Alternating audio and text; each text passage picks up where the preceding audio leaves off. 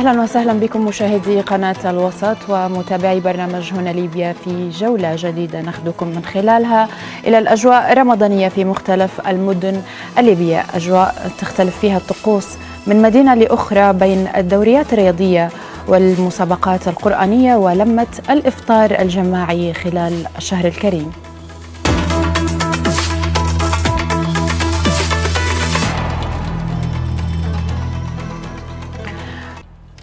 تحول فقرات الكتب إلى جولة ممتعة بطريقة تقديمها لها.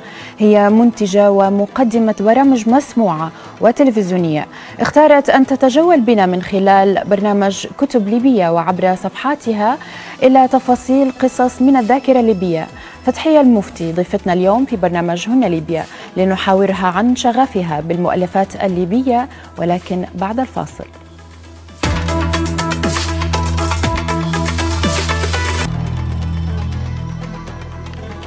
هي خريجة هندسة مدنية وناشطة في مؤسسات المجتمع المدني ورئيسة مؤسسة زازا للثقافة والتنمية بمدينة بنغازي. اهتمت بالأدب المعاصر والمؤلفات القصصية والتاريخية. فأخذتنا إلى حنين الألوان وذكريات حياتي وبطولات النساء والربيع العربي وغيرها من مؤلفات السيرة الذاتية. حكايات ترويها لنا فتحية المفتي بأسلوب شيق وشغف. تسافر بنا من خلاله إلى تفاصيل الحياة الليبية ورواد الفكر وأعلامه من الكتاب والكتاب عفوا والأدباء. لم تكتفي فتحية المفتي بالبودكاست المسموع لتسرد لنا شغفها بما وراء الصفحات بل تحول إلى برنامج كتب ليبية عبر شاشة الوسط لموسمين متتاليين. نشاهد مقتطفات منه في هذا المقطع.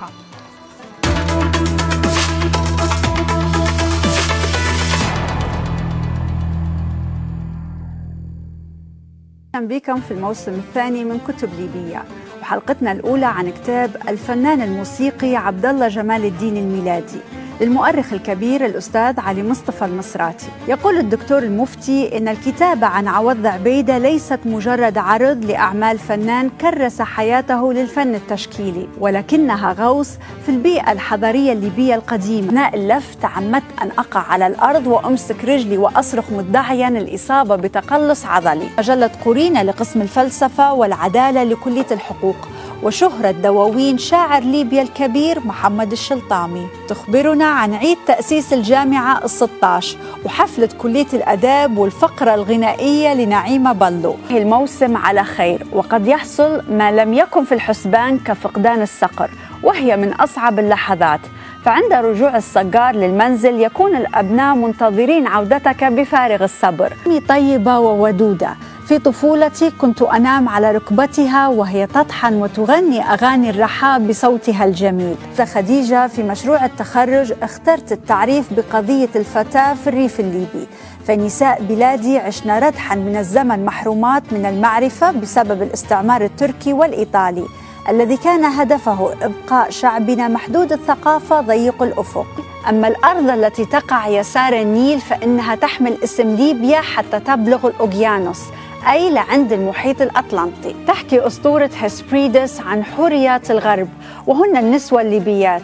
يقول ديودورس الصقلي في تلك المنطقة كان موطنهن على جزيرة تدعى هسبيرا وكانت تقع في سبخة تريتونس بجوار الأوقيانوس وقريبة من جبال أطلس. مشاهدينا تنضم لنا عبر السكايب فتحية المفتي. فتحية مرحبتين بك في برنامج هنا ليبيا. نورتينا ونهارك مبروك. يا ريت خلينا نبدو الحديث عن مؤسسة زازا للثقافة والتنمية. لو تعطينا نبذة عن المؤسسة وعن أبرز نشاطاتها وأهدافها.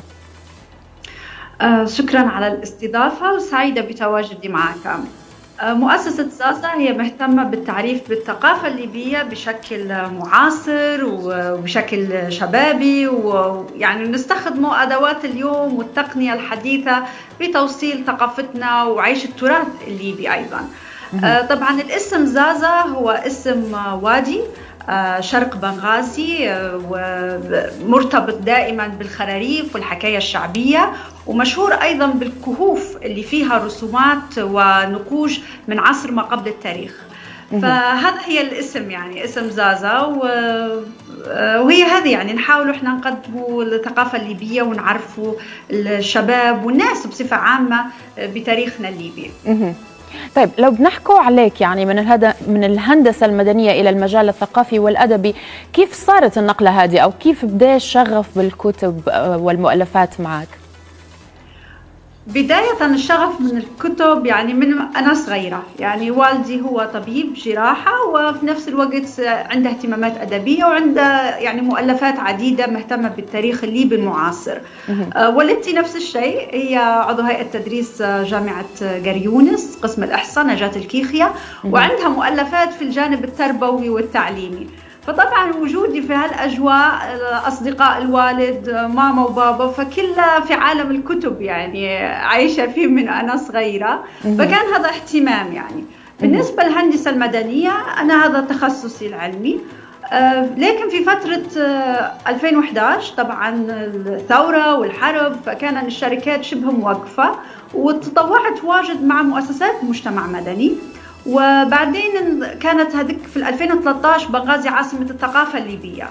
وتطوعت معاهم وبديت معاهم ومن هذيك كانت مسيرتي تقدر تقولي في عالم الثقافة كشغل يعني. أنا مهتمة بالمباني القديمة والمعمار الليبي تحديدا هندسة مدنية ففيه جانب ثقافي يعني شقين.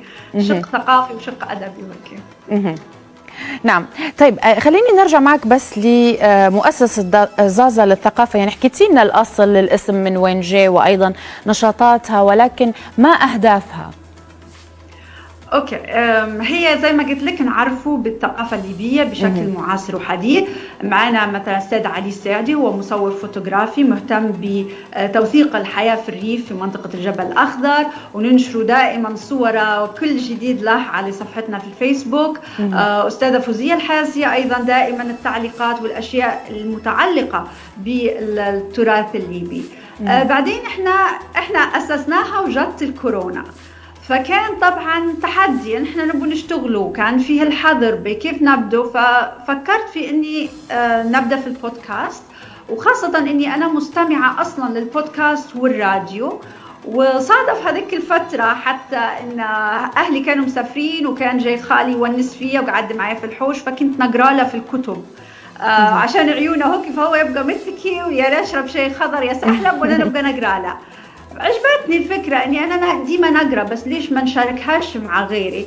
وطبعا متعة إنك تنقل الأشياء اللي تحبها للناس وتسمع رأيهم وتناقشوا فيها. فبديت في البودكاست إنه في الكتب يعني نقدم آه، تلخيص أو عرض لكتب في عشر دقائق طيب تقديم برنامج عن الكتاب في عصر التكنولوجيا وال social media هل تعتبريه تحدي مع المتلقي؟ هو أهم حاجة صناعة المحتوى إن لما يكون محتوى جيد بأي أسلوب تقدميه حيلفت الانتباه وحيلقى مستمعين له وناس تتبع فيه. وأنا الفئة المستهدفة متاعي فيها فئة تهتم بتثقيف نفسها تحب تعرف معلومات واجد مستوى الذكاء متاعها عالي وهذه مهمة يعني. أنا جمهوري مستهدف عندي فئة معينة مستهدفتها. والحمد لله يعني وصلها عن طريق البودكاست أو عن طريق البرنامج وشاشة قناة الوسط أكيد. ف وسعيدة بردود الفعل الإيجابية يعني على البرنامج. أكيد طبعا نتمنى لك التوفيق يعني برنامج أكثر من رائع وناجح جدا. فتحية خلينا لو لو بنحكوا على الكتب والمؤلفات الليبية يعني شنو آه، اللي يميزها؟ هل نقولوا الموضوع والقصة أم أسلوب الكتابة؟ تميزها حاجات واجد. أول حاجة معظم الكتاب الليبيين هم سجناء. وهذه نقطة مهمة. يعني وفي نفس الوقت تعطيك ليش هم مضطهدين ومش واخدين حقهم على الساحة. يعني كيف دولة تبي تحتفل بيهم وفي نفس الوقت هم السجناء عاشوا 15 سنة يعني وأكثر في السجون يعني وسجون وتجربة صعبة وأليمة وقاسية جدا مروا بها فهذه النقطة تعطيك إنهم هم آه، كتاباتهم ومعاناتهم مش خيال إنما حقيقة عاشوها في فترة ما من حياتهم. وإن كتاباتهم هي احتراز على القبح اللي موجود في المجتمع الليبي. يعني أنت عندك ظلم عندك آه انعدام عدالة إنسانية في نفس الوقت عندك فقر. فهذا كله باين وظاهر في كتاباتهم. وتلاحظيها وبالتالي أسلوبهم خاص نابع من تجربة شخصية هم عاشوها. طيب نرجع لك لك أنت. يعني نعطي فيك سؤال عام ونرجع لك سؤال يعني آه، يخصك أو يخص اختياراتك في الكتب. يعني كيف كيف تختاري في الكتب اللي تقري فيها سواء اللي تقري فيها أو اللي تقدمي فيها في برنامج كتب ليبية؟ أوكي. بالنسبة للقراءات العادية أنا نقرأ في كتب تنمية بشرية أدب عالمي روايات كلها. بس الكتب اللي برنامج كتب ليبيا أكيد نقرأ واجد ولكن نقدر نقولوا العشرة اللي نختارهن هذينا في لهن شروط إن لازم يكون المؤلف ليبي إن أو المؤلفة طبعا ليبيين إن الكتاب مكتوب على شخصية ليبية أو على أحداث تاريخ اجتماعي مرتبط بليبيا. وما يكونش مثلا مترجم لأجنبي كاتب على ليبيا لا لازم كاتب ليبي ويحكي على ليبيا. الشيء الآخر المهم إن في قصة في أحداث. تعرفي ما تحكي لأن بعض الكتب نقرأ فيهن معلومات عامة ما تقدرش تطلع بقصة. يعني خاصة في كتاب مثلا قريته عن يحكي على واحة ما في ليبيا يصف المناخ الصحراوي يصف إنها يوما ما تمر بها القوافل وهكذا. بهمن اللي مروا بها المواسم اللي جوها القوافل أشهر التجار قصص الأحداث اللي صارت. نعم. فيها. ما فيش ما تلقيش.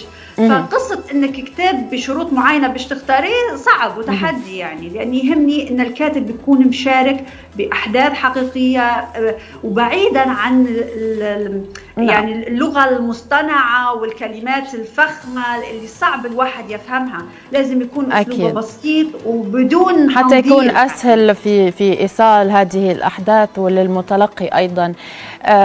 أستاذة فتحية الحديث معك شيق جدا. ونشكرك جزيل الشكر أنك كنت معنا اليوم في برنامج هنا ليبيا. شكرا لك مجددا وصحة فطورك مقدما.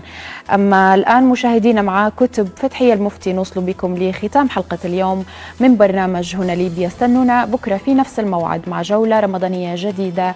أمسية طيبة وصحة فطوركم مقدما. في أمان الله.